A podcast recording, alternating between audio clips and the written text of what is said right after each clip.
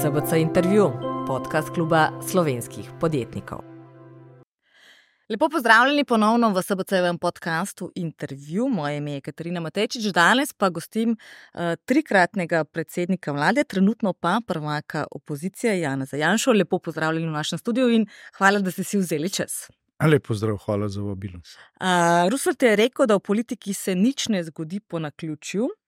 Če se to zgodi, lahko stavite, da je bilo načrtovano glede na vse to, kaj se nam v tem trenutku uh, dogaja, vaš komentar je res, da ni na ključu v politiki? No, mislim, da nekaj jih je vseeno. Ne. Res pa je, da veliko krat ne poznamo ozadje, pa se nam zdi na ključno tudi tisto, kar je načrtovano. Torej, to, kar se dogaja v tem trenutku, je sproducirano, ali dejansko so stvari nekako prišle ven in potem eskalirale? Ne, jaz mislim, da je to hibrid, ne, da je kombinacija. E, nekaj se načrtuje, potem pa se sfiži, pa se marsikaj dogaja. Ne. So pa obzorja vedno širše od tistega, kar danes vidimo. Ne. Jutri so, se, se zgodijo stvari, ki jih nihče ne more načrtovati. In, e, umetnost po, politike, ki hoče biti dobra in koristna, je to, da se zna prilagajati situaciji. Mhm. Ste veseli, da ste v tem trenutku prvak opozicije in ne predsednik vlade?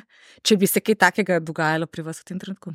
Mislim, če bi bila situacija obratna, se to ne bi dogajalo. Zagotovo. Hm, zagotovo. Ne. Bi sicer vlada bila pod uh, večjim plazom kritik, ampak uh, ne bi prepuščala stvari, da gredo po svoji poti in da zdravniki stavkajo zato, ker je vlada dvakrat že nekaj podpisala, potem pa te besede ne drži. Mhm. V tem trenutku javnost in tudi slovenski politični prostor najbolj uh, zaznamuje in tudi um, zabava in žalosti, seveda, afera sodna stavba. Zdaj je prišel vam podatek, da je celo uh, približno tisoč kvadratnih metrov večja od uh, osnovne prvotne ocene, sicer ne ravno, kar se tiče uporabne površine, pa vendarle je zato uh, ta afera kaj manjša, oziroma je to še vedno afera ali ta podatek je spremeni. No, zdaj, v Sloveniji smo že marsikaj doživeli, ne? zdaj to pa, da bi bila stavba, stavba organsko bitje, ki raste, tega pa še nismo, ne? zdaj če se malo pošalimo. Zdaj, če pa to gledamo z resne ali pa žalostne plati, je pa jasno. Pač, ta dodatna cenitev je bila naročena v času, ko je ministrica še zagovarjala ta nakup, potem se je premislila, cenilci je postal isti. Torej, ustrajate pri tej izredni seji državno-zborski, ki bo na temo korupcije? Uh, ja, seveda. Uh, zdaj, ta, ta žalostni nakup te razpadajoče stavbe ni edini razlog za to sejo.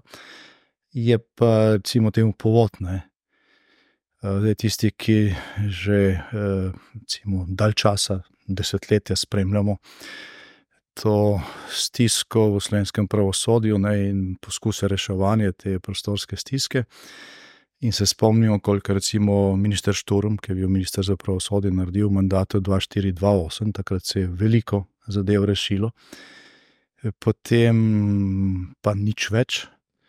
Eh, kljub temu, da imamo tukaj za Bežigradom že desetletja gradbeno jamo, del uh, ozemlja bivše kasarne Ljuba Šercerja, ki jo je Ministrstvo za obrambo, še takrat, ko sem jaz eh, minister za obrambo, pač dalo v uh, uporabo za uh, reševanje teh prostorskih težav slovenskega pravosodja. Mislim, da so bili narejeni trije projekti, že, ki so stali 100 tisoč evrov.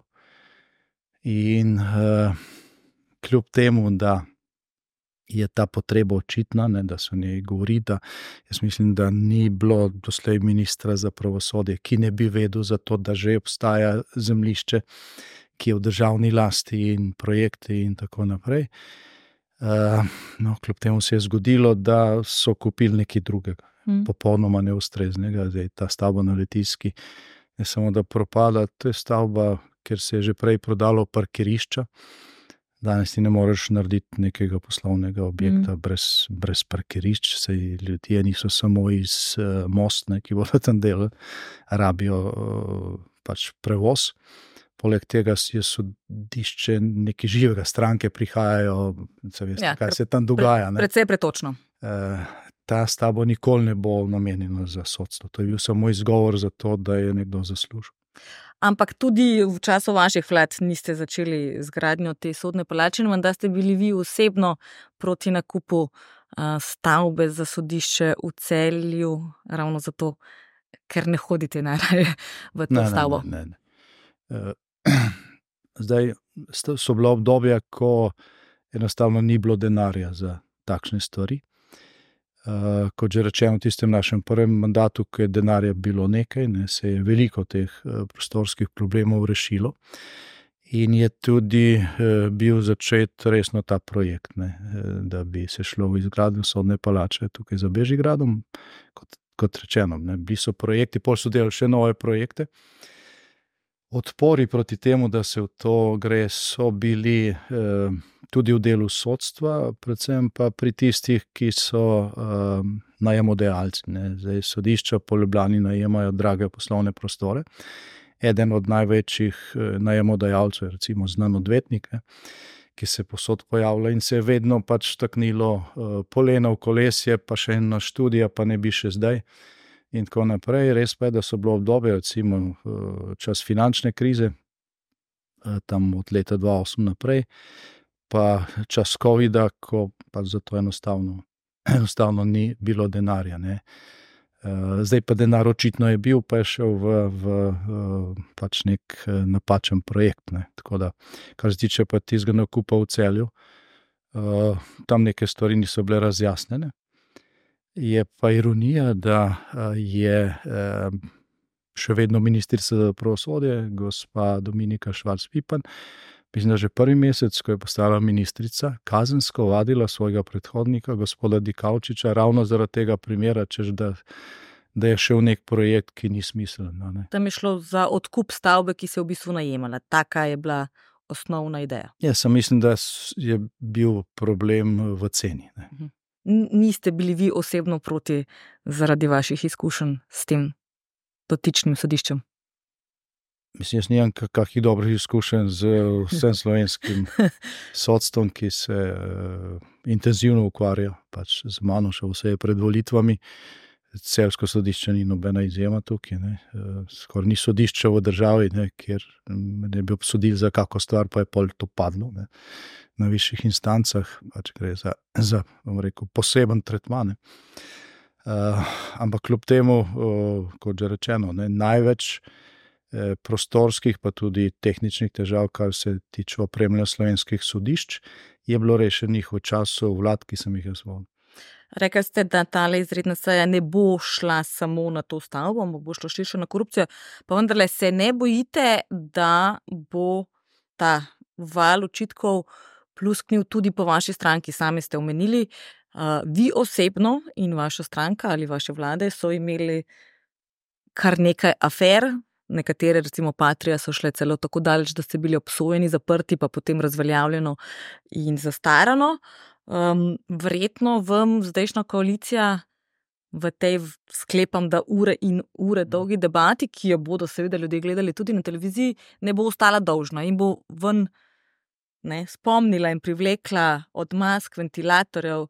Uh, Patrije v končni fazi je računsko sodišče ugotovilo, zdaj, ko je pregledovalo Telekom, poti denarja, ki so potem šle iz Telekoma posredno, recimo v Novo 24 in podobno. Torej, tem, ki bi vam jih lahko vrgli naprej, če tako rečem, vsekakor ne manjka. Se vam ne zdi, da mogoče lahko to tudi na vas pade na koncu? Le tem, ki so bile eh, medijsko proglašene za afere, ne, je veliko. Ne. E, povejte pa mi eno, ki, drž, ki je zdržala. Ne.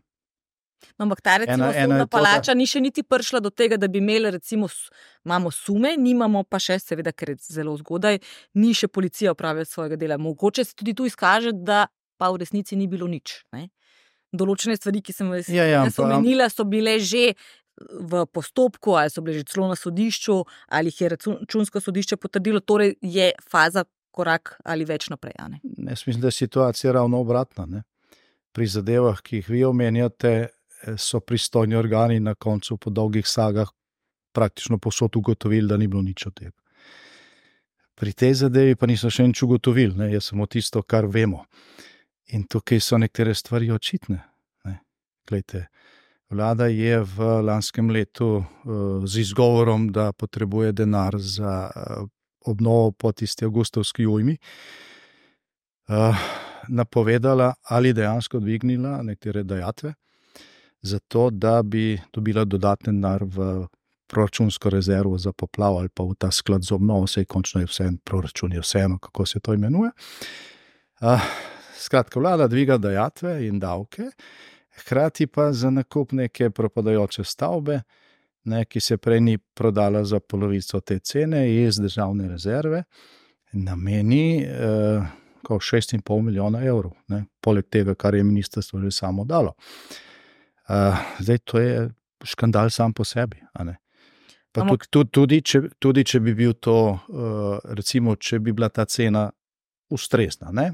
Pa so veliki sumi, glede na to, kaj se je s to stavbo prej dogajalo, in glede na to, da ni parkirišč in ne, da vidimo, v kakšnem stanju je stavba, tukaj očitno uh, uh, nekaj ne štima. Ne? V vsakem primeru bil pa ta nakup napačen, glede na to, da ima država ne samo zemljišče, ampak gradbeno jamo, ki je rezervirana za novo sodno palačo in ki ustreza tako lokacijsko kot. Z gabariti zemljišča in z, z uh, vsemi ostalimi, kar se je ugotovilo, praktično v treh, treh študijah in projektih. Uh, tukaj je stvar napačna. Ne? In zdaj to izgovarjanje uh, na neke strokovne službe, gledajte, jaz sem trikrat predsednik vlade, kot ste omenili. Uh, ni vlade, uh, pa tudi če gre vem, za uh, Maldive ali pa za Zimbabve, ne? ker finančni minister preden razporedi milijone iz državne rezerve ne, za nakup neke stavbe, za katero ve, da bo kraval, da je sporna, o tem ne povpraša predsednika vlade. In tukaj je vlada, prednja ministrica, podpisala pogodbo, dvakrat odločala o tej stavbi. Najprej o prerasporeditvi, najprej o tem, da se sploh ta projekt uvrsti v NRP, kar je neka slovenska posebnost, mož dvakrat odločati o isti stvari. In so dvakrat odločali o isti stvari v razmaku enega tedna. In uh, ministrica je podpisala pogodbo šele potem, ko je vlada to odobrila, isti dan ali pa verjetno še isto uro. In minister za finance, ki se zdaj zgovarja, da nima nič s tem, je že naslednji dan plačal ne, te milijone, že naslednji dan. In ob tem še prodajajo slovenski javnosti, da je to zato, ker je bilo treba denar porabiti do konca meseca. Še, še, zdaj, še zdaj država plačuje račune za stvari, kjer so ker je dolg nastal v lanskem letu. Je 30-dnevni rok, pa ponekod še daljši. Absolutno. To je zagotovo najhitrejši no, plačilni rok ja, v zgodovini. Mi, jaz mislim, da je to zgodovinska hitrost ne, in pol mi eh, rečete, da ni nič narobe. Ne, ne, nikakor. Ampak eh, rekla sem sam, da mogoče lahko ta stvar. Plusne tudi po vas, recimo. Ne, ne, mi, se primer, ves, mi se veselimo te razprave. Aha, kar, primer respiratorji, recimo, oziroma ventilatorji, ja. se je izkazalo, pa so bili dražji od te um, stavbe. V bistvu gre finančno gledano tlele za mali denar, glede na velikost in odmevnost in dolžino te afere. Ne? Imeli smo bistveno večje, recimo teše in podobno, pa vse možne avtomobile. Zdaj imamo železniško postajo v, v Novi Gorici. Tako da to gledano denarno, seveda, da bo vse stavbe v Jesenicah, kjer je 4 milijone polno je tega. Ampak... Uh, no, ampak recimo respiratorje, kar ti primer bi mogel vedeti, pri respiratorjih se je izkazalo, da nimajo dodatne opreme, na kar jih lahko priključiš, kar pomeni, da sami po sebi uh, so neuporabni, ne? tako kot je ta stavba neuporabna brez parkirišča. Plus, da je takrat vaš uh, minister Počevalšek celo klical, da se naj prav tako hitro izvede plačilo, pa brez neke bančne garancije, če se zdaj prav spomnim. Tudi nekako te zgodbe imajo vedno neko sporednico. Ne, jaz mislim, da ravno ta primer, ki ste ga navedli, nima nobene usporednice. Prvič zato, ker takrat je bilo izredno stanje. Epidemija, pandemija, iskali smo uh, zaščitno opremo, maske, respiratorje posod, kradli so nam opremo sredi Evrope iz tovornjakov. Uh, lokalne oblasti po sosednjih državah so eh, sprejemali odloke o zaplembi te, te opreme.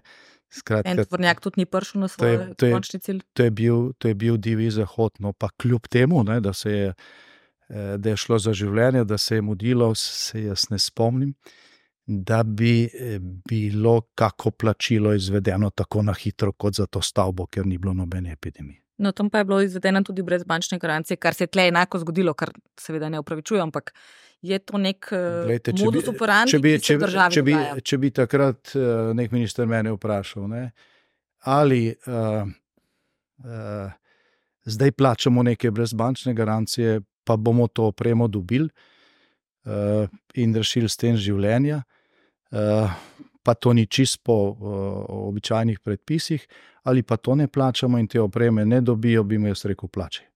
Z vso, z vso odgovornostjo in z vsem zavedanjem, uh, zakaj tukaj gre.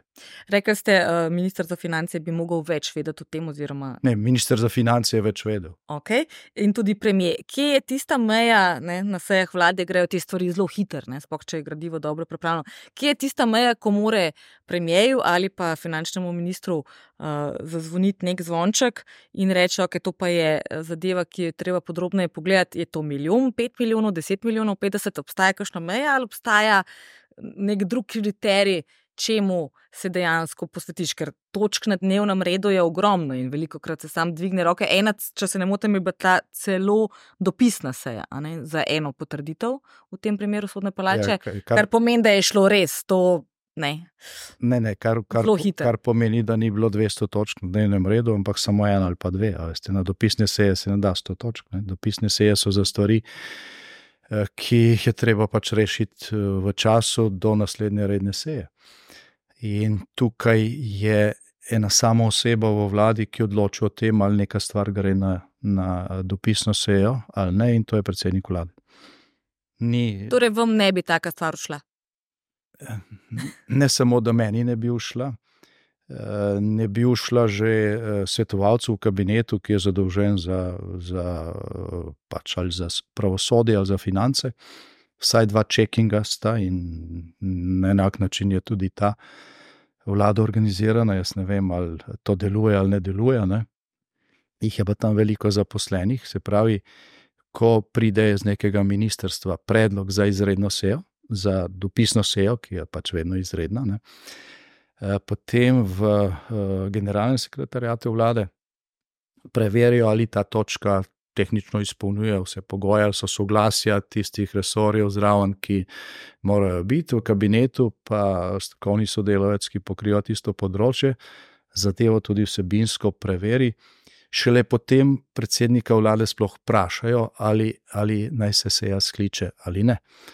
Eh, zdaj, ko ko vprašate, kje je tista uh, meja, kar se tiče financ. Zdaj, če gre za več milijonov evrov, je absolutno to trigger, ki pač uh, avtomatsko povzroči, da uh, vsi tisti, ki so odgovorni za to, še posebej zadevo pogledajo. Ne? Ampak jaz prej nisem govoril o tem, jaz sem govoril o tem, da uh, prej, preden minister za finance sploh. Pri, prej prejmo sploh pride na misel, da bi dal soglasje ali pa da bi predlagal prerasporeditev iz državnih rezerv 6 milijonov, pokliče predsednika vlade. Ali, ali je to dogovorjeno, ali je to smiselno, ali, je, ali, ali, ali ima soglasje. Ministr za finance ne tvega, da bo potem predsednik vlade mu to vrnil nazaj, eh, kaj, kaj se pa greša. Ne? In še posebej, eh, eh, sigurno je pač eh, vsota, ne? Ki je nad milijonom, nekaj, kar vsi pogledajo. Ne, to pač.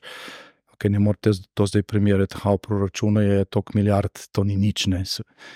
Vsaka posamična zadeva uh, naredi to vsoto, mm. ko, ko, ko, ko jo seštejete. Druga taka stvar je pa samo vsebina.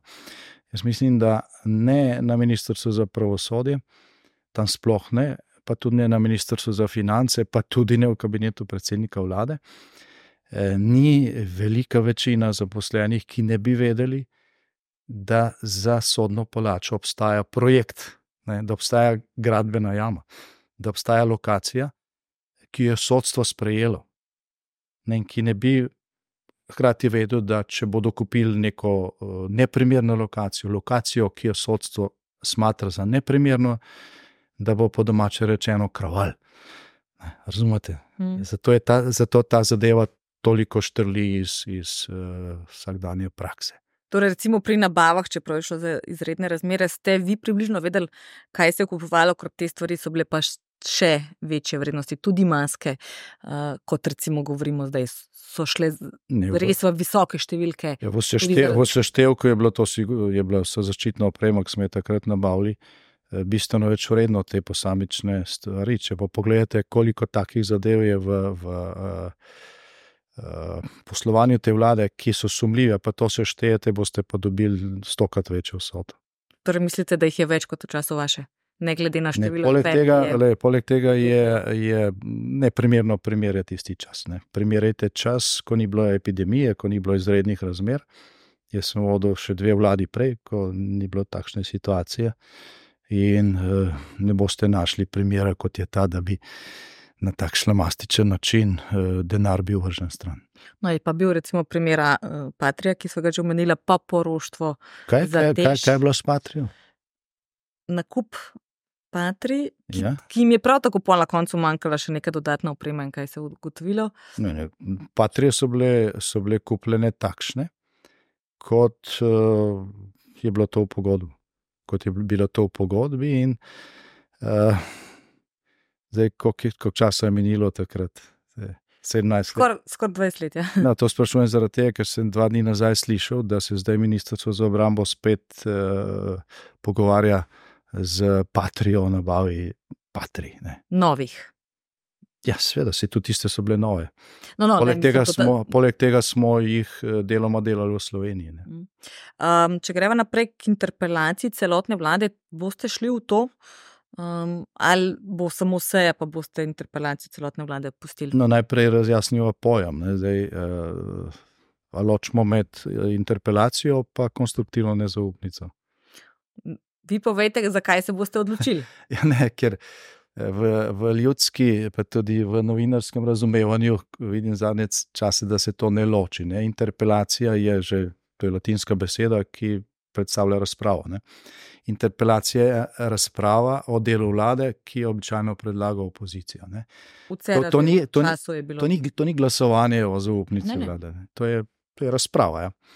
In uh, interpelacija pa je interpelacija uh, kot konstruktivna nezaupnica. Ljudje mislijo, da je to to, pa je to, da predlagaš zamenjavo vlade. Ne? Ne, Mi ne predlagamo tega, uh, predlagali bomo razpravo o delu vlade, zaradi, ne samo zaradi te stavbe, pa, ne, to je pač eno od stvari, ampak zato, ker uh, imamo najdaljšo stavko zdravnikov v zgodovini pa se z zdravstvenim sindikatom uh, ministrica sploh ne pogaja. Si predstavljate naš mandat, ne? da zdravniki stavkajo, odpovedujejo uh, soglasje za nadurno delo in tako naprej. Zgodovinsko dolgo pa se ministri, minister za zdravje ne bi niti pogajal z njimi, se bi kamere stale pred njegovim uradom dan in noč in se ne bi mogel izogniti Eh, temu vprašanju, enako kot predsednika vlade.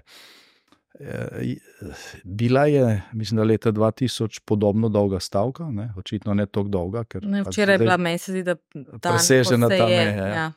Takrat je predsednik vlade dr. Drnovšek. Eh, jaz se spomnim uh, slik iz televizijskih ekranov, ko je on sedel z zdravniškim sindikatom in so se na koncu dogovorili.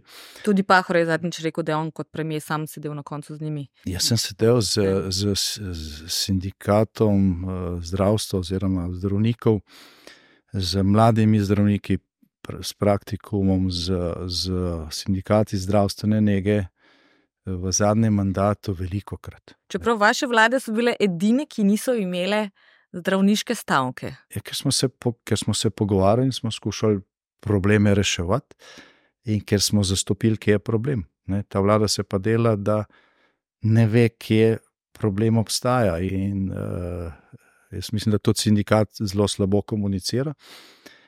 Ker ljudje mislijo, da tukaj gre vem, za stavko zaradi plač. V bistvu je stavka zaradi tega, ker je vlada v lanskem letu podpisala dva sporazuma, ki jih ni uresničila. Ki jih ni uresničila. Se pravi, eh, zdaj, kdo je tukaj kriv za, za, za to situacijo? Ne? Če misliš nekaj uresničiti, potem to podpiši. Če misliš, da so zahteve pretirane, potem tega ne obljubi.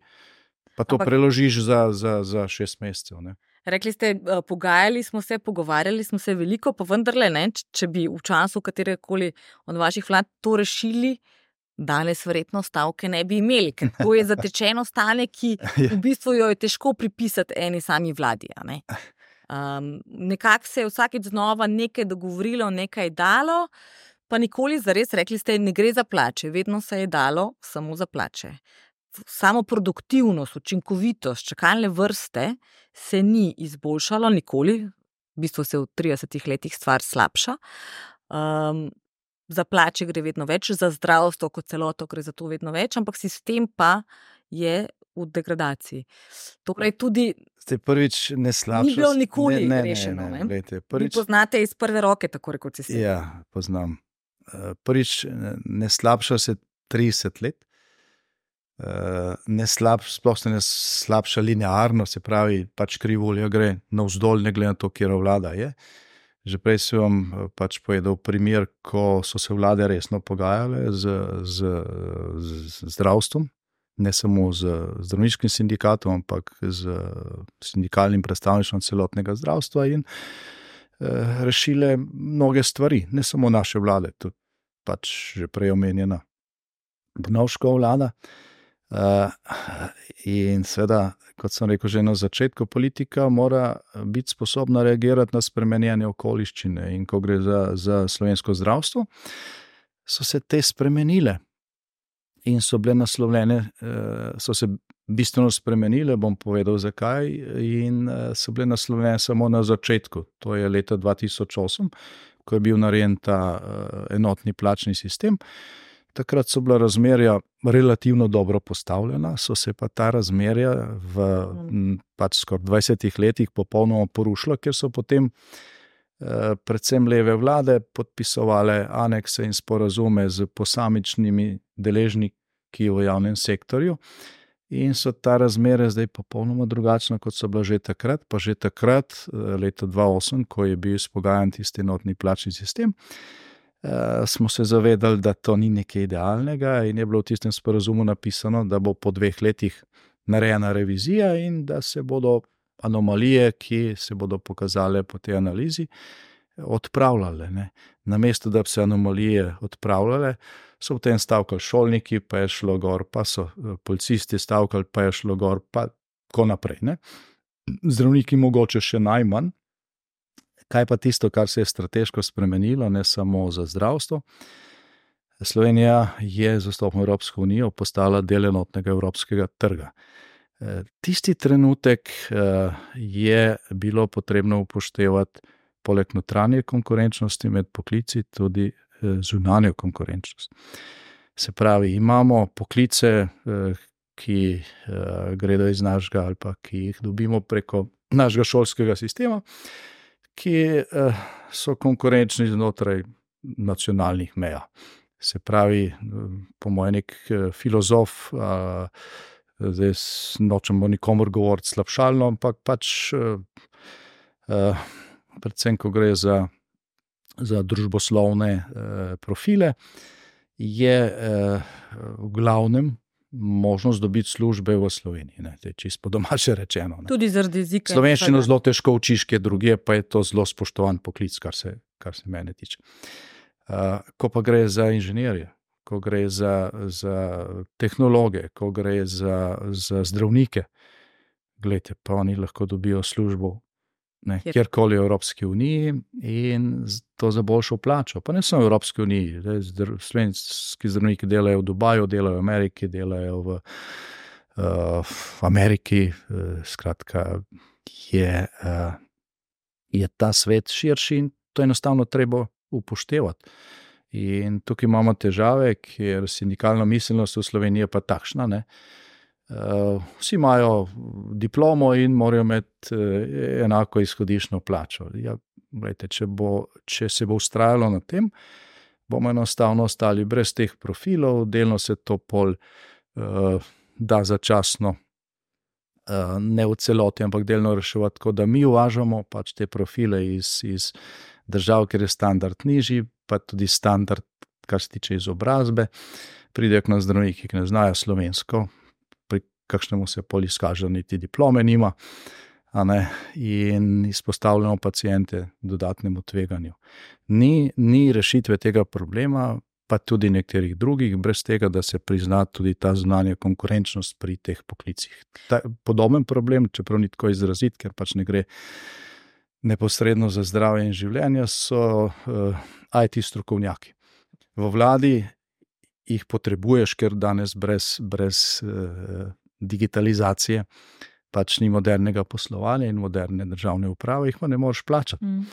In potem so tukaj uh, pač zelo veliki problemi, in nastajajo, nastaja milijonska ali pa milijardna škoda zaradi tega, ker pač zaradi te uh, uravnilovke v miselnosti, pa uh, usmeritve slovenskih sindikatov, javnega sektorja, ne pustijo, da se pač ljudi plača toliko, kot si zaslužijo na trgu. Um, torej, tem za in za izredno sejo in za interpelacijo bo ogromno, vendar uh, gospod Tonin je rekel, da se mu to ne zdi najboljša poteza, ker boste s tem poenotili zdaj zelo uh, razdrobljeno vlado, ki ima tako težave znotraj posamezne stranke, vsaka med njimi, in ena z drugo. Se strinjate, da morda jih boste ravno zato nekako povezali s tem vašim napadom na njih in da v bistvu si delate škodo s tem. Ne, zdaj, ta očitek bi eventualno veljal, če bi vložili konstruktivno nezaupnico. Ne. Potem se morajo prešteti, pa ne, eh, se zmeniti za naprej. Eh, zdaj, žalostno je, da nekdo, ki je bil nekaj mesecev celo predsednik parlamenta, ne loči med interpelacijo in konstruktivno nezaupnico. Razpravo o teh problemih pa uh, jaz dvomim, da lahko vladno koalicijo zelo poenoti, ker pač. Uh, kot smo videli tudi v teh zadnjih tednih, ne, eh, tudi z njihove strani je neke take zadeve, kot je nakup te razpadajoče stavbe, težko braniti. Uh, Ves je, glede na to, da vse te akterje poznate že zelo dolg, uh, če čisto čteva, zakaj se je to zgodilo, ampak vas je presenetil ta. Uh, velik interni spopad, recimo v SD-ju, in to na več nivojih. Več ljudi se je med sabo, pa nekako se zdi, da zdaj moški proti ženskam. Pa, mal tudi javnost je nekoliko presenečeno gledala, da se tako zelo ne znajo potihem za zaprtimi vrati zmed in v bistvu umazano perijo. Perejo v javnosti, kar je seveda slabo za njih, kar je pokazala tudi zadnjo, zadnja javnomnenjska raziskava, ko so bili tako slabi kot že zadnjih 20 let ne in ne bi prišli niti v parlament. Vas je to presenetilo, vi in oni ste dve najstarejši stranki. Ja, Zdaj, prvič, jaz vseh teh akterjev ne poznam tako dobro. No. Dej, z gospodom Golobom sem prvič eh, tako na štiri oči govoril o primo predaji. Ne. Po volitvah, prej sem ga prvič videl na soočenju. Uh, in nisem imel nekega zelo izrazit, izrazitega mnenja o njem. E, to, kar se zdaj dogaja, je zelo širše od tega, kaj pač si mislijo nekateri posamezniki, je enostavno posledica te spirale negativne kadrovske selekcije, ki uh, uh, vodi ta kadrovski bazen tranzicijske levice vse globlje. Uh, in to v veliki meri zaradi tega, ker uh, njim, zaradi uh, podpore medijev, pred volitvom ni treba predstavljati pozitivnega programa. Oni samo rečejo, da so proti nečemu, proti Janši, proti SDS, proti diktatorski vladi kakorkoli eh, lahko govorijo karkoli. Ne. Eh, sedajni predsednik vlade je celo obljubljal više davke, rekel je, kaj bi pa je smel od tega, če ima več denarja, ne sej pač. Eh, niso vsi dobivali milijonskih nagrad, ne, tako kot on.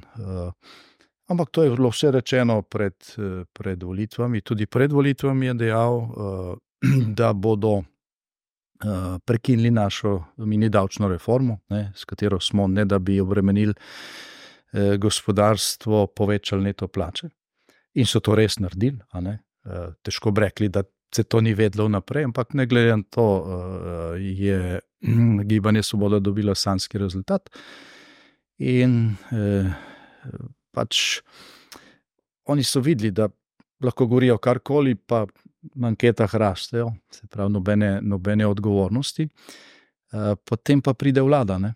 Eno je blef, ne, drugo je pa realno stanje. Tukaj pa uh, se potem vsak izmeri, kakšne čevlje je stopil.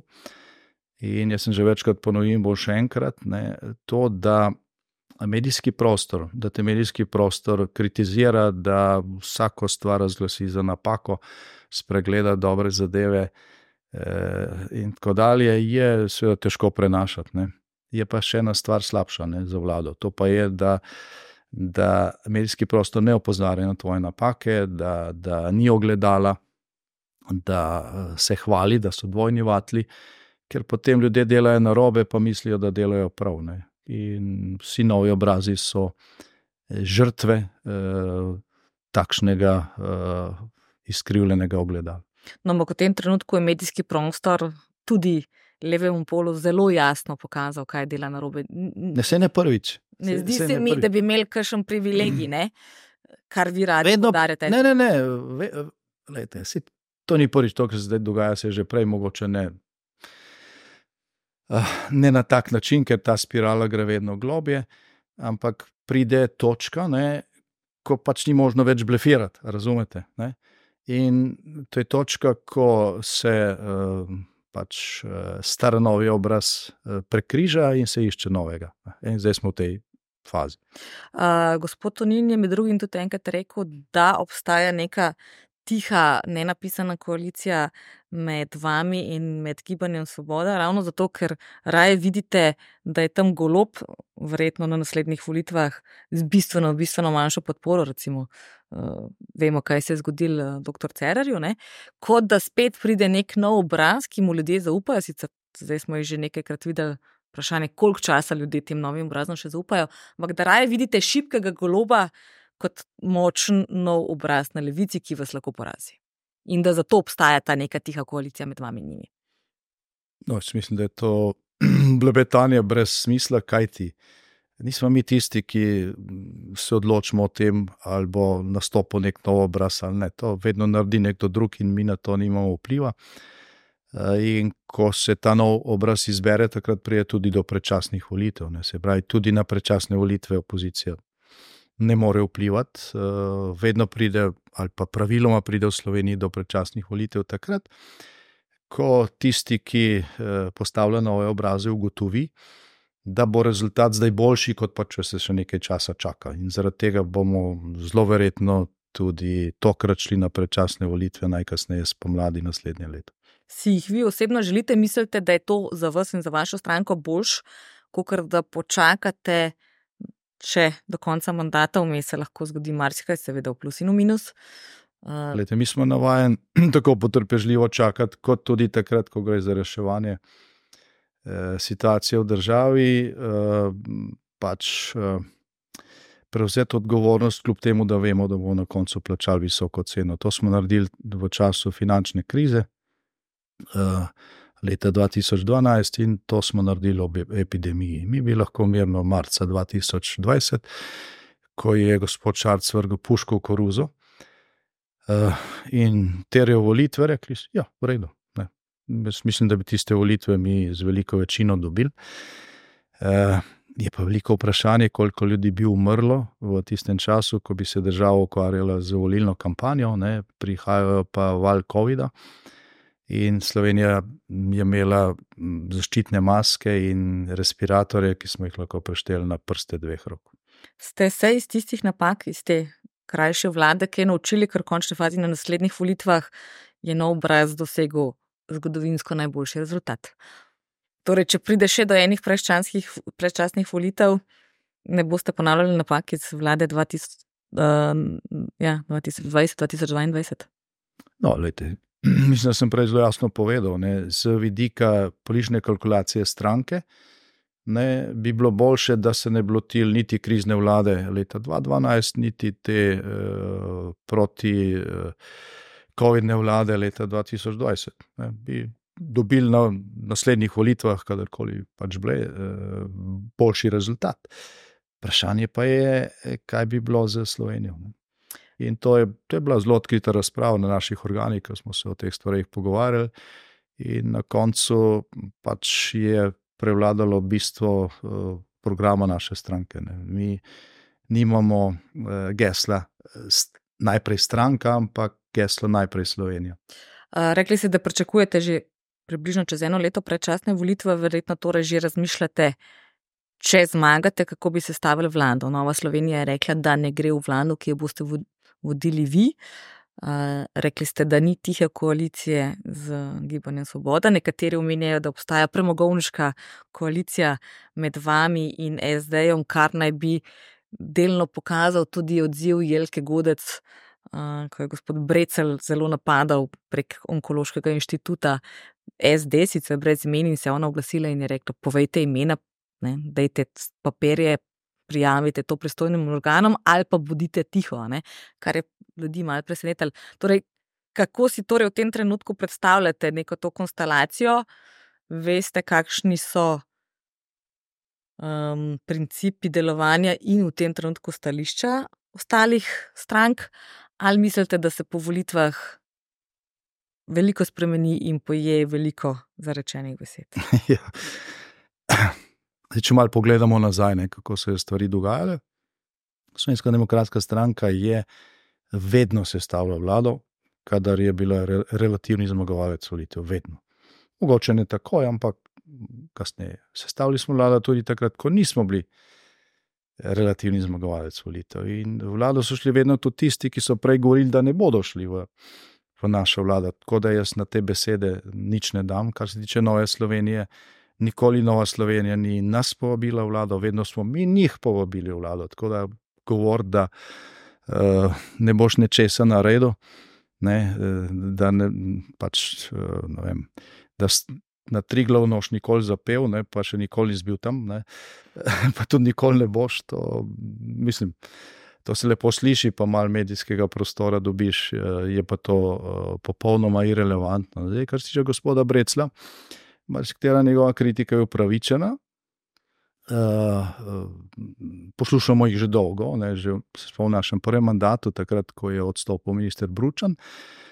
Uh, smo iskali nove rešitve, Takrat so, bile, eh, so bili ti zapleti z izgradnjo uh, pediatrične klinike, onkološkega inštituta, in dolgo so se vlekle te zadeve. Uh, jaz sem imel takrat en razgovor z njim in se ga vprašal, če bi on prevzel uh, onkološki inštitut, uh, mislim, da je že takrat tam delal. In je to tako neko arogantno zavrnil, češ pol mu kritizirati zadeve. Ne. Se pravi, nikoli, pa mislim, da so ga tudi drugi vabili, nikoli ni prevzel, uh, nikoli ni prevzel te uh, odgovornosti. Uh, na zadnje, zdaj slučajno sem nekaj videl izjavo, da včasih uh, so na vlado hodili ljudje, kot je bil Zemljarič, pa Dimnik in tako naprej. In uh, stvari niso bile v redu. No. No, zdaj, zdaj sta na vladi Golop pa Brecel, ne, ki je končno prevzel nek, nek svet, strateški svet za zdravstvo, ki kakšne teže odločene nima, lahko pa svetuje in tako naprej. Ampak situacija v slovenskem zdravstvu še nikoli ni bila tako slaba. Ne. Je slabša kot takrat, ko je kao zemljarič hodil na vlado. Tako da pač. Uh, uh, Ko čas mine, pa se potegne črta, pa se eh, zmerijo rezultati, potem se pač vidi, ki je kdo. Zdaj, to, to kar ste omenili, neka premagovna koalicija med nami, pa je zdaj en, kje je bila ta koalicija. Um, ne, ne, pač dejansko obstaja termin. Premogovniška koalicija, ki naj bi v, na večjih projektih, ne, tudi sploh energetskih, kazala je, uh, je, na, naštejte, povezano s SDS in SDS. Naštejte mi enega, ker, ker smo mi povezani. Ne, prav, to, je, to politični komentatorji tako ocenjujejo, da obstaja neka tiha naveza tudi med vami in zdaj. Mislim, to je popolnoma. Uh, Mislim, težko bi sploh našel, našel pravo besedo, ne, kot to, da ne bi mi imeli sporazum z, z Gibanjem Svobodo. Ne, to, to govori stranka, ki je eh, bila v naši vladi, in je potem ohranila vse svoje kadre tudi v tej golobovi vladi, hkrati pa ji je golobova koalicija dala tudi eh, ključne nadzorne funkcije v, v državnem zboru. Ne, ne vem, če ste spremljali zadnjo sejo Komisije za nadzor javnih financ, ki, kjer ima Nova Slovenija samo večino. Ne. V tej komisiji, zdaj, če tam ne bilo spopada med SD-jem, pa, pa, pa Gibanje Svoboda, pa gospoda Prednika, ne, bi bilo to eno tako srečanje prijateljev. Ne. Tam je minister za finance sadil rožico o tem, kako oni nič vedo, kako se to, kar se je dogajalo ob nakupu te stavbe, dogaja vedno, da je to neka normalna procedura. Ne. In so se mu na koncu še zahvalili za to, da jim je razložil, kako stvari potekajo. Skratka, in temu naj bi rekli parlamentarni nadzor. Torej, ne dovolj kritični. Mislim, da gre, do te točke se sploh ni prišlo, sploh niso, uh, sploh niso razpravljali o pravih stvareh. Ne. Kot že rečeno, če bo tega spopada znotraj koalicije, uh, potem nihče danes ne bi več vedel, uh, kaj na tej seji sploh bilo. Uh, kako mirno je v vaši stranki? Pri vas nismo navajeni na kakšne večje eskalacije, saj ne da bi javnost vedela za njih. Zdaj z gospodom Logarjem je vseeno mal se to spremenilo, zahteva, da vsi trenutni poslanci dajo podpis in z njim zagotovijo, da bodo do konca te vlade zastopali stališča, mnenja in ideje stranke, v okviru katere so bili izvoljeni v parlament, in ne nekih idej in novih rešitev platforme, je podpisal, kako je zdaj to, kakšno so razmerje odnosi med vama? Uh, zdaj, kar se stranke tiče, ne, uh, jaz sem prevzel to stranko, ko smo bili štirje v državnem zboru, z rezultatom iz leta 92, 3,4 odstotke. Danes nas je 27 v poslanski skupini, mestno je bilo tudi manj. Ne? In uh, to lahko rečem čisto iz prakse. Zdaj, čim čim uh, je poslanska skupina večja od deset, ne? je to stranka, v kateri je potrebno znati živeti tudi z razlikami. Ne? Ker ljudje smo si pač različni. Zdaj, če so štiri poslanci, ok, gredo za isto mizo na kosilo, pa se lahko se zmenijo. Če jih je več kot deset, je potrebno stvari usklejevati tudi prihajajo iz različnih delov Slovenije, ne občutijo se isti problemi posod enako, v Ljubljani so nekatere stvari povsem benigne, eh, lahko pa zelo odmevajo, ne vem, v Zirju ali pa v Murski mhm. soboti. In tudi, eh, seveda, pač eh, poslanci so za različne generacije. Pravi, čim je poslanska skupina večja od deset, je pač potrebno znati živeti z razlikami, jih usklajevati tudi dovolj poslancem, da v določenih eh, primerih eh, dejansko glasujejo, ne, eh, tudi če imajo drugačna, drugačna stališča, da pa pri ključnih zadevah, ne, ki so bile v programu stranke, s katerimi se je šlo na volitve, ohranijo enotnost, sej sicer pač ne. No, Enotna poslanska skupina nima, nima smisla. Zdaj, zakaj je prišlo do, do tega podpisa? No, še to ne. Medijih se je velik, veliko krat uh, v zadnjih mesecih, odkar je nastala ta platforma sodelovanja, ne, eh, Slovenski demokratski stranki očitalo, da boste pa logari izključili, tako kot ste ne vem koga. Slovenska demokratska stranka doslej ni izključila iz poslanske skupine še nobenega poslanca. Nobenega. Ne. Nekateri so sami šli, so se pridružili drugim strankam, vem, Andrej Čuš, uh, Franz Pukšič, recimo. Ne je bilo tega ne, eh, v preteklosti. Torej, to, to pri nas ni debata. Do, do uh, predloga vodje poslanske skupine, izvršilnemu odboru, glede tega uh, sklepa, da pač poslanci. Podpišemo izjavo, da bomo do konca mandata delovali na listi, na kateri smo bili izvoljeni. Mimo grede, Anželogar ni bil izvoljen v svojem rojstnem kraju, ampak v privilegiranemu kraju, ne, tam, kjer ima stranka bistveno višji rejting, uh, je stranka omogočila no, poslanski mandat, po domače rečeno. Do tega je prišlo zato, ker je on v nekem intervjuju, uh, jaz ga nisem niti bral, potem se je to začelo razpravljati med članstvom in poslanci, dejal, da uh, bo on kot poslanec državnega zbora v državnem zboru zastopal stališča platforme. Hm. Zdaj on je bil izvoljen na. na, na, na uh, neki listi platforme, ki ni obstajala, ne, ampak na listi Slovenske demokratske stranke. In zaradi tega te njegove izjave se je potem pač porodila ta ideja.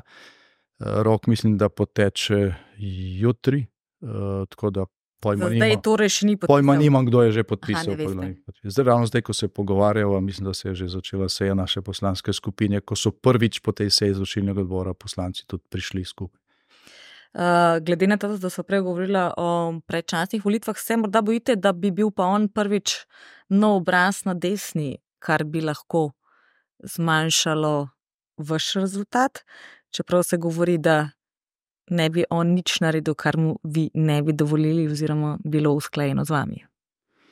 No, prvič, recimo, ustanovi- ustanovitev te platforme kot neke pač organizirane strukture ni bila usklajena z mano, ne, ne s kom drugim iz slovenske demokratske stranke. Drugič, to ne bi bil prvi obraz na desni, prvi tak obraz je bil Gregor Virant, minister naši vladi, član našega strokovnega sveta, pisec našega programa za, Ni pa bil dolgoletni član. za Videl. mandat, je pa bil njegov tast, ne, podpredsednik stranke.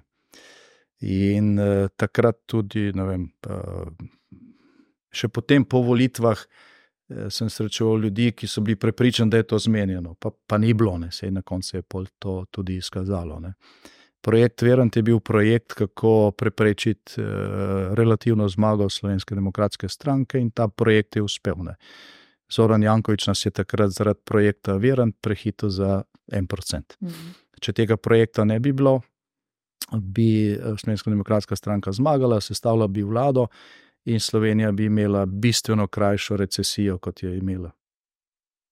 Torej, se ne bojite, da on gre v svojo stranko in vam pobere kar nekaj volilcev. Ne, jaz se tega ne bojim, ker vem, da se je to zgodilo in da je to projekt ravno za to. ne. To je Torej, Virant- se bo To zgodilo. je veren številka dva. ja.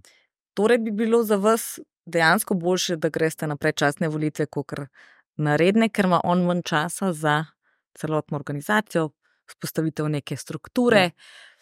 Čeprav recimo Golop je to naredil precej hitro, kar je bila delno tudi vaša krivda, ker ni dobil novega mandata. Tako da, če bi dobil novega mandata, verjetno on zdaj ne bi bil premijer. Vete, kdorkoli se pojavi kot, eh, ne, kot ste vi rekli, nov obraz na desni, ne, eh, nima takšnega eh, medijskega zaledja, kot ga ima recimo nov obraz eh, na levi. Ne. Zdaj, če pogledamo, kaj se je dogajalo v primeru Gregorja Viranta, ne, zdaj, ko je on najavil tisto listo, ne, v petek smo sedeli skupaj, se pogovarjali o skupnem nastopu na volitvah. Uh, ker so bile neke govorice, eh, smo gospoda Viranta vprašali, kaj drži. Ne, ne, ne niti slučajno, jaz ne delam nobene liste, v ponedeljek je pa najavil to listo, no, ki jo je že prej dolgo časa pripravljal, tako iskrenosti. Njega in njegovega tasta, nekaj zdaj spet pameten po vseh medijih. Uh, skratka, to je bilo načrtovano vnaprej, ampak potem so ankete pokazale, da bi ta lista celo mm, zmagala na volitvah in je dobil pač medijsko ploho. Uh, na koncu je dobil poslance samo v tistih okrajih, kjer je bila eh, močna slovenska demokratska stranka, se pravi, se je neposredno zažiral naše Mhm. mm. volilno telo. In dejansko je, je s tem omogočil relativno zmago uh, Zoranu Jankoviču, ki mu potem se ni se uspelo sestaviti vlade, uh, ampak uh, so že poskrbeli, da potem, ko smo mi sprejeli najbolj nepriljubljene ukrepe z ZUJF-om na čelu, ne, da so našo vlado enostavno porušili. Ne. E, tudi zdaj se bo dogajalo nekaj podobnega. Ne. Na levi strani medijev bodo že poskrbeli, uh, ne, uh, voljivci ne bodo nasedli. Nekdo, ki je bil predsednik našega uh, sveta, ki je bil naš kandidat uh, ali pa kandidat z našo podporo na predsedniških volitvah, ki je član naše poslanske skupine, naredi listo, vsi bodo bodo verjeli, da ni zmenjeno. Ne. Na desni strani pa so bolj naivni voljivci. In lahko se ponovi škoda, kot je bila takrat. Ne. Zaradi tega jaz upam, da se to ne bo zgodilo, da bomo jutri ali pojutrišnjem imeli 27 podpisov in da bo šla uh, stranka enotno naprej, brez te, uh, recimo, temu uh, pričakovane motne. Ampak sami ste rekli, ljudje govorijo celo nekomu v obraz, eno delajo drugo, in zgodovinski spomin v politiki je ekstremno kratek, tako politiko. Kot tudi ja, pri komu. Ja. No, ampak načeloma se hitro se menjajo stališča, mnenja, naj celo podpira en zakon, potem se zamenja vlada, ne nadoma sproti. Um, torej, mislite, da če da podpis, to pomeni, da ne bo šel na volitve z svojo stranko? Mislim, cena prelomljene in podpisane besede v času, ko je to aktualno in znano, in tako naprej, bi bila precej visoka. Bi šli v vlado, ki bi jo vodil Anželo Kr. Mi ne izključujemo nikogar. Ne. Za razliko od drugega človeka te platforme, je Rneja Pikala, ki je nedavno rekel, da pa našo vlado ne bi šel. Na to pomeni, da bi imeli oni večjo težavo z vami, kot vi z njimi. ne, gledajte, mi uh, prvič, no, to sem hotel prej povedati, pa so šli naprej. Ena od teh uh, krilatic uh, ali pa votlih uh, fraz, ki kroži po Sloveniji, je to, kako bi uh, bilo dobrodošlo, če bi v Sloveniji nastala velika koalicija med nami in SD-jem to še posebej zdaj, ko so se tam kregali, je, je bilo veliko tega. Eh, zdaj, velika koalicija lahko nastane med dvema velikima strankama. Zdaj, eh, koalicija med veliko stranko in eno malo stranko ni velika koalicija. To, to je, v tem trenutku to so, to so koalicije, kot so. Kot so blež, ali pa kot so tudi, tudi danes. Skratka, to je koalicija preko levo-desne eh, delitve ali pa pola, ampak vse naše vlade so bile take koalicije, sej vedno smo imeli še eno stranko z levega pola ali pa dve. Se tudi finančno že pripravljate uh, na volitve? Pred dvemi leti smo imeli trojne volitve, kar je velik finančni zalogaj za stranke, letos so evropske. Uh, bilo je predvsej očitkov na račun financiranja sploh vaše stranke, pa vmes se je tudi v zadnjih aferah omenjal gospoda Snežiča, ki vam uh, je hvala, hvala. denar in, hvala, in skrbi. Ste, ja, A, da, hvala, ker ste to spomnili. Prvič, gospod Snežič, eh, ni nobene veze z našo stranko. Spomnite se, spomnite, se, spomnite se kravala, ki je nastal, ko smo najeli nek kredit od fizične osebe, za kar se je kasneje izkazalo, da pač eh, ne bi smeli, in ne, ga niti nismo najeli v celoti, smo tisto, kar smo eh, že dobili, takoj vrnili. Ampak to je bila medijska tema tri mesece. No, ti denar je na zelo čuden način prišel k vam, kar je bilo potrjeno. Ne, ta, ta denar, tega pa vrnili. Se. Ta denar je prišel z računa v Sloveniji, od osebe, ki je imela davčno številko v Sloveniji. Skratka, vse tisto, kar. Prinesla ga je pa v Kovčku, čez mejo. Mogoče, ampak ne nam. Ne. No, na banko na račun, zdaj pa. Ja, to vi veste, jaz ne vem. Ne. To, Torej, gospod Snežič ne skrbi za vaše finance. Ampak spomnite se, tri mesece ne, je bilo. Uh mhm. -huh. To uh, stranka je bila prijavljena na vse mogoče organe, bili smo kaznovani za prekršek, ne plačali kazen. Tudi jaz mislim, da je 600 evrov ali koliko. Uh, smo priznali napako, vse. Ampak se je to vrtelo tri mesece pred volitvami, po volitvah, in še danes se tega spomnite. No, zdaj pa imamo to situacijo z. Uh, nakupom te uh, uh, razpadajoče stavbe za, za uh, potrebe sodišča. Šlo je uh, 8 milijonov evrov, od tega večina iz državne rezerve, ki bi mogla iti za poplave, recimo za poplavno obnovo. Bo prišel denar nazaj v stranko? Vse, vse uh, kar je doslej prišlo ven, pa kar je povedala ministr za pravosodje, kaže na to, da je bila zadeva skoordinirana v stranki socialnih demokratov. Ta stranka je nedavno nazaj odprla nove razkošne prostore na Nazarjevi v Ljubljani, kljub temu, da že ima eno veliko vilo, nekdanje judovsko vilo. Stranka ima šest poslancev, milijonske dolgove iz prejšnjih kampanj. Uh, pa, nihče, pa jih nihče ne vpraša, kako so pa financirali te prostore na Nazarjevi. Uroš Slak se tega ne upa vprašati, Tanja Gobec se tega ne upa vprašati, pa imajo eh, predsednico te stranke vsak dan pred kamerami in mikrofoni. Nihče ne vpraša. za tisti kredit za Slovensko demokratsko stranko, stranko pa nekaj mesečna gonja. No, ampak pri vašem financiranju Ob je bilo tem- več nekih ne. tem, ne samo to, tudi prek brezplačnikov, pa prek uh, mačarskih me, uh, podjetij na medije, pa v stranko. v glavnem Ni bil to edini učitek, ta je bil tak, ki je dejansko bil zelo razdelan, kot ste rekli, prišlo je do konca, vi ste vrnili, plačali ste kazni, od začetka do konca brez. Razčiščeno je bilo, mislim, končano. Ne? Ampak ni bil to, seveda, edini Delova, učitek. financiranje Slovenske demokratske stranke vsako leto preveri računsko sodišče in še posebej po vsakih volitvah vse račune. Preštejo nam plakate. Ne? In nobenega denarja ni prišlo v, v Slovensko demokratsko stranko, od nobenega od teh medijev, od nobene mačarske in tako naprej. To, da, uh, kot ste prej rekli, ne, da je Telekom uh, oglaševal tudi v Novi 24. Ne. Primerjajte to, kako je Telekom oglaševal v Novi 24, s tem, ko oglašujejo v številnih drugih medijih. Ja, vse so šli gledati. Primerljivo ne, to sek, recimo, določenega medija, ja. Ja. ker seveda oglas. Uh, Zdaj, kak, kak doseg ima mladina, recimo? Ne? Ma večji od Nove 24. Predvsem no. zelo drugačnega. No, no, doseg ne pravite, da je važno. Dobro, eno je tiskana revija, drugo je No, no, no, televizija. ampak tako da- doseg je važen. ne? Ja. Kak doseg ima? Verjetno je cena oglasa v mladini precej nižja kot cena oglasa na Novi 24. Ja, ste kdaj izračunali, koliko je Telekom uh, plačal mladini, odkar obstaja? Nimam pojma. Po moje gre do cifre v težke milijone. Pa nobenega problema, ne? Pa se ve, če ga oglasilo je to. Ne?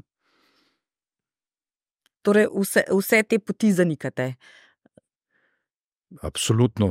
Tudi ta, ta famozna preiskovalna komisija v državnem zboru ni, Ki je zamenjala predsednico? ni odkrila nobenega indica, da bi se tukaj kakorkoli financirala Slovenska demokratska stranka.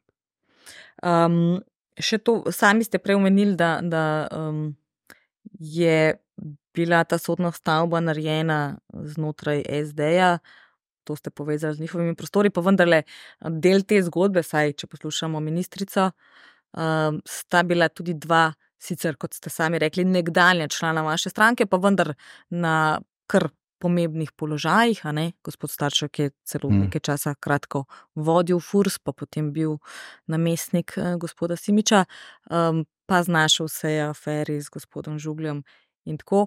Se vseeno ne bojite ob vseh teh razpravah, interpelacijah, da to vas lahko potegne noter? Ja, si to je bil prvi spin. Ne? Sej ministrica je rekla, potem, ko je prišla sestanka z uh, Vesno Vukovič in Robertom Golomom, uh, kjer so ji rekli, da je krivdo treba zvrniti na službe in na, na, na nepočiščene janšiste v ministrstvu. Sej to je bila tema takoj, pol zvečer na uh, Pop TV, na nacionalki in ministrica je začela te stvari razlagati, češ to so kadre SDS, gospod Starček ni naš član že leta.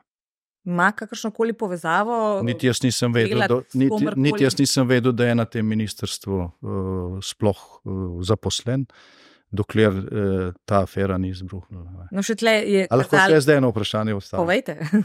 Vi ste Slovenijan biznis klub, ja. pa vas nič ne zanima biznis, samo afere. Ne, ampak vsem ste politični gost. Jaz se jaz z veseljem na to Ja, imate, že, imate, že, uh, imate že dober gospodarski program pripravljen, uh, davčne eh, spremembe in to za, za naslednje volitve? Tisto, kar bo vleklo ljudi. Ne sem, da imamo program pripravljen, mi imamo pripravljene zakone. E, imamo ne na zadnje nekatere zakone, ki so bili že sprejeti, pa jih je ta koalicija preklicala. Tako da Uložili ste Za- tega glede eh, zdravstva. ne? Za nas je stvar, vloženo. e, za nas je vprašanje trdne večine v državnem zboru in enega meseca, ko bomo to vse spravili v zakonodajni okvir. In uh, tale dopolnitev zakona o javnem naročanju, ki bi določil referenčne cene, prej smo govorili o tem, da imamo enotni uh, trg dela, imamo pa seveda tudi lahko enotni nabavni trg, ne, kar se je uh, tudi z mediji razkrilo, da se recimo za določene stvari pri nas plačuje nekajkrat višja cena, kot se recimo nekje v tujini. Boste s tem zakonom, kot prvo, pričakujete podporo in B, se bo s tem zakonom dalo stvari rešiti. Uh, zdaj ta rešitev je že veljala. Ne? Mi smo ta jo, zakon ja, že sprejeli, urad je bil ustanovljen, eh, začelo se je poslovati normalno, se pravi, vedelo se je, koliko en medicinski pripomoček, ki se ga kupuje v Sloveniji, stane v povprečju tudi v Evropi.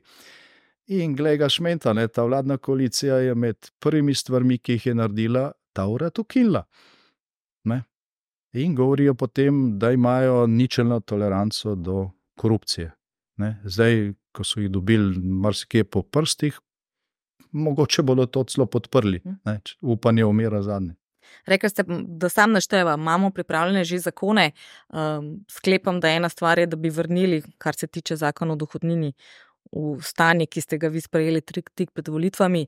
Um, kaj je, recimo, če samo našteva ključna področja, rekete, a vas ne zanima biznis, uh, ki so dobra za biznis in seveda posredno tudi za državljane, kaj so tiste stvari, ki jih imate že pripravljene in bi bile recimo prve stvari, ki bi jih naredili, če vodite novo vlado. Zdaj, prvi korak bo, da mogoče tudi z enim tak omnibus zakonom razveljavimo vse te protireformne zakone, ki jih je ta vlada sprejela. Pa pridemo na izhodišče, ki, eh, kar se tiče poslovnega okolja, ki je v Sloveniji veljalo aprila leta 2022. Že to bi v veliki meri izboljšalo ne, eh, stanje tukaj. Obstaja pa tukaj seveda veliko vprašanje glede, na, eh, glede spremenjene domače makroekonomske situacije. Zdaj, če verjamem, da to spremljate v zadnjih analizah fiskalnega sveta, ne, eh, najdemo resno opozorilo, kako ob dejstvu, da imamo eh, praktično rekordno nizko brezposelnost, ne, narašča delež eh, denarja, ki se iz državnega proračuna plačuje tako v pokojninsko Mm. kot v zdravstveno blagajno. Eh, Njihova cena je, da bo šlo letos iz proračuna za, za minus v pokojninski blagajni ob rekordno visoki zaposlenosti, kar pomeni, da imamo skoraj milijon ljudi, ki plačuje redno zdravstveni in pokojninski prispevek, se pravi ob tej krasni osnovni sliki. Naj bi se drastično povečal prispevek proračuna, tako za pokojninsko, kot za zdravstveno blagajno. Za pokojninsko blagajno preko 2 odstotka, to je še enkrat več, kot dajemo recimo za obrambo. Za zdravstveno tudi ogromno, Zdravstvo pa eh, več kot pol, pol odstotka, pa mm, ne, se stanje v zdravstvu slabša. Eh, To, eh, to pa je tista točka, ne, kjer je treba se vrniti nazaj na vaše vprašanje, ne, ko ste rekli, ali bi bilo bolje, da imeli predčasne volitve ali da čakamo še dve leti. Ne. Zdaj, dve leti tega trenda, ki ga imamo zdaj, bo pripeljalo Slovenijo v podobno situacijo, v kakršni smo bili leta 2009. Kaj, če se vam zgodi Cerar, ki je odstopil, s tem je bilo konec pogajanj z javnim sektorjem, kar pomeni, novi vladi ostanejo pogajanja, in v tem trenutku, glede na dogovore, kakršni so, so skrajno v nezavidljivem položaju, ker če se karkoli dogovorijo z enim, seveda ne, dobijo na okope vse ostale. Zdaj so še zaposleni na številki 112 napovedali stavko, tožilci so že Mhm. tako, kot sodniki so rekli, da so samo malo okrnili delo, pa vendarle, ne. Zdravniki, kot sva že rekla, najdaljša stavka v zgodovini, umik soglasij, zdaj že napovedujejo uh, tožbe, če jim bodo direktorji umaknili soglasje za delo pri drugih izvajalcih. Torej, vsekakor težka situacija, če nekdo odstopi, to pusti, pride nekdo nov, vsekakor ne bo zavidljiv položaj. No, to, kar ste zdaj omenili, je zelo verjetno bistvo, ne, je nevralgična točka politične situacije v Sloveniji. Na kratko rečeno, plačni sistem v javnem sektorju, zaradi vseh teh problemov, ki so se jih delno že prej dotaknila. Zdaj, če gospodarstvo potrebuje uh, stabilno okolje z, z, z obremenitvijo, ki je razumna, ne, kjer tisti, ki bolje delajo ne, in so tudi zunanje bolj konkurenčni, tudi več zaslužijo, brez tega, da bi to ogrožalo pač, eh, normalno funkcioniranje podjetij, je za javni sektor eh, ključno, da se vzpostavi ne eden, ne, ampak da se vzpostavi toliko razumnih plačnih sistemov, kolikor je eh, organskih enot javnega sektorja. Zdaj, temu lahko rečemo, mi smo temu rekli, pač, da gremo na večplačnih sistemov, temu lahko rečemo tudi pristopu, ki ga je obrala ta vlada, ne, eh, da eh, se zgradi stebrni plačni sistem. To je eno in isto, mm. sem pač, ker je bilo tisto osovraženo, kar smo mi delali, so za isto stvar pogruntali novo ime. In ministrica, ki je pač odstopila zaradi korupcije, Janovič Hojnik, se je tega na začetku lotila v pravo smer. Ne. Vendar, ne, tukaj ni bilo nobenega uh, zavedanja, da uh, ura tik taka, da čas hitro teče, in so mislili, da se bo to uredilo uh, samo po sebi. Podpisali so zdravniki dve obvezi, ne, kdaj jim bodo ugodili, obe so prekršili, zato, ima, zato imamo to stavko. Uh, je Mes pa sta se zgodili dve stvari. Ne. Na začetku lanskega leta je imela vlada še eh, veliko finančno rezervo, deloma z našega mandata, zaradi visoke gospodarske rasti, eh, ki je danes ni več. Ne. Zdaj, zato, da odpraviš ta nesorazmerja v, v plačnem sektorju, pa da zgradiš te stebre, Zdaj, da bodo tisti, ki bodo tole najno.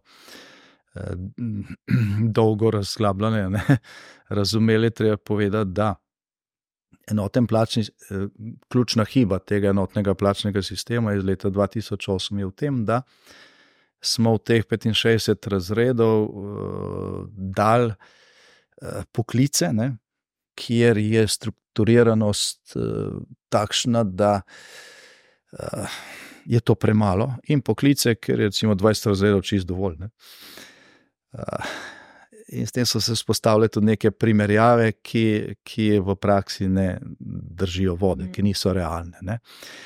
Zato je dejansko treba narediti več stebrov ne, in z različnim številom razredov, brez te ambicije, da se bo pa vse dalo primerjati. Ne. Uh, IT-ovca v, v nekem startupu, ki skokovito raste, pa ne vem, nekoga, ki pride v službo dvakrat na teden, ne, resno delati. Uh, ampak, ko smo, ko smo, skratka, ta rezerva je lani obstajala, danes ne obstaja več, hkrati pa sem bil zelo presenečen nad tem podatkom. Ne. Začetku tega leta je fiskalni svet tudi objavil pač te, ta strukturni pogled na proračun v lanskem letu, na izvajanje proračuna v lanskem letu, in iz tega izhaja, da se je masa plač v javnem sektorju v lanskem letu v Sloveniji povečala brez reforme. Mislim, da smo šesti, šesti najbolj razkošni v evroobmočju, oziroma v, v, v Evropski uniji. Več kot deset odstotkov in dodatnih ne vem, koliko tisoč. Se pravi, vsa, vsa rezerva, ki je obstajala, ali pa mogoče še več, je bila pokorjena zato, da se je ohranil sistem ne, ki se ga želi spremeniti za reform. Mm. In danes je, danes je to, kot ste rekli, to velik zalogaj, tudi če ne se zgodi. Scenarij, ko odstopijo, pride druga vlada, ker je to uh, Kavel 22. Ne. Je Kavel 22, kar pomeni, da je možno narediti neko resno reformo v plačnem sektorju samo na ta način, samo na ta način, da se uh, ponekod uh, gre v racionalizacijo zaposlenosti, da se ukinejo agencije, ki se podvajajo, in tako naprej. In drugič, da se vede sistem, kjer je pomemben del plače vezan na učinkovitost. In produktivnost. Ja. Ker tik taka tudi najna ura, da končava z volitvami, ki so dejstvo in jih bomo zagotovo imeli uh, letos junija. Vi ste že predstavili uh, kandidatno listo, vodijo ženska, rekli ste, dobila je prejšnjič uh, največ preferenčnih glasov in zato je zdaj na prvem mestu. Kakšen, tudi zaradi svojega dela v Evropskem parlamentu. In dela, uh, kakšen rezultat pričakujete, koliko poslancev, zdaj, to, če pogledamo zadnje javno mnenjske raziskave, se zdi, da bo mogoče levi pol izgubil kakšnega človeka, mi pa imamo leto še enega poslanca več, uh, v, bomo imeli v Evropskem uh mhm. -huh. parlamentu. Torej, kaj je tista realna uh, ocena, kaj pa je mogoče visoko leteča želja? No, mi nimamo visoko letečih, mm. imamo samo realna pričakovanja, eh, ki temeljijo tudi na dosedanjih rezultatih na evropskih volitvah, razen na prvih, je Slovenska demokratska stranka na vseh zmagala in to z veliko razliko. Mm. Zdaj ta uspeh nameravamo ponoviti.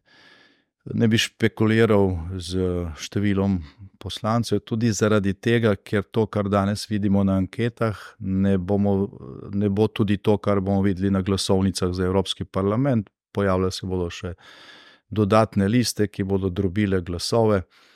To gre lahko v našo škodo ali v našo korist. Ne. Vsekakor še eh, ni toliko znanega, da bi lahko špekulirali s konkretnimi napovedmi, nameravamo pa na teh volitvah zmagati. Najlepša hvala za vaš čas, za tale pogovor in seveda za to, da ste bili gosti v našem studiu. Hvala za vabilo.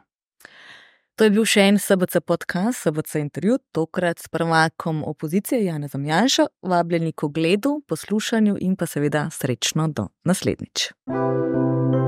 SBC intervju, podcast kluba slovenskih podjetnikov.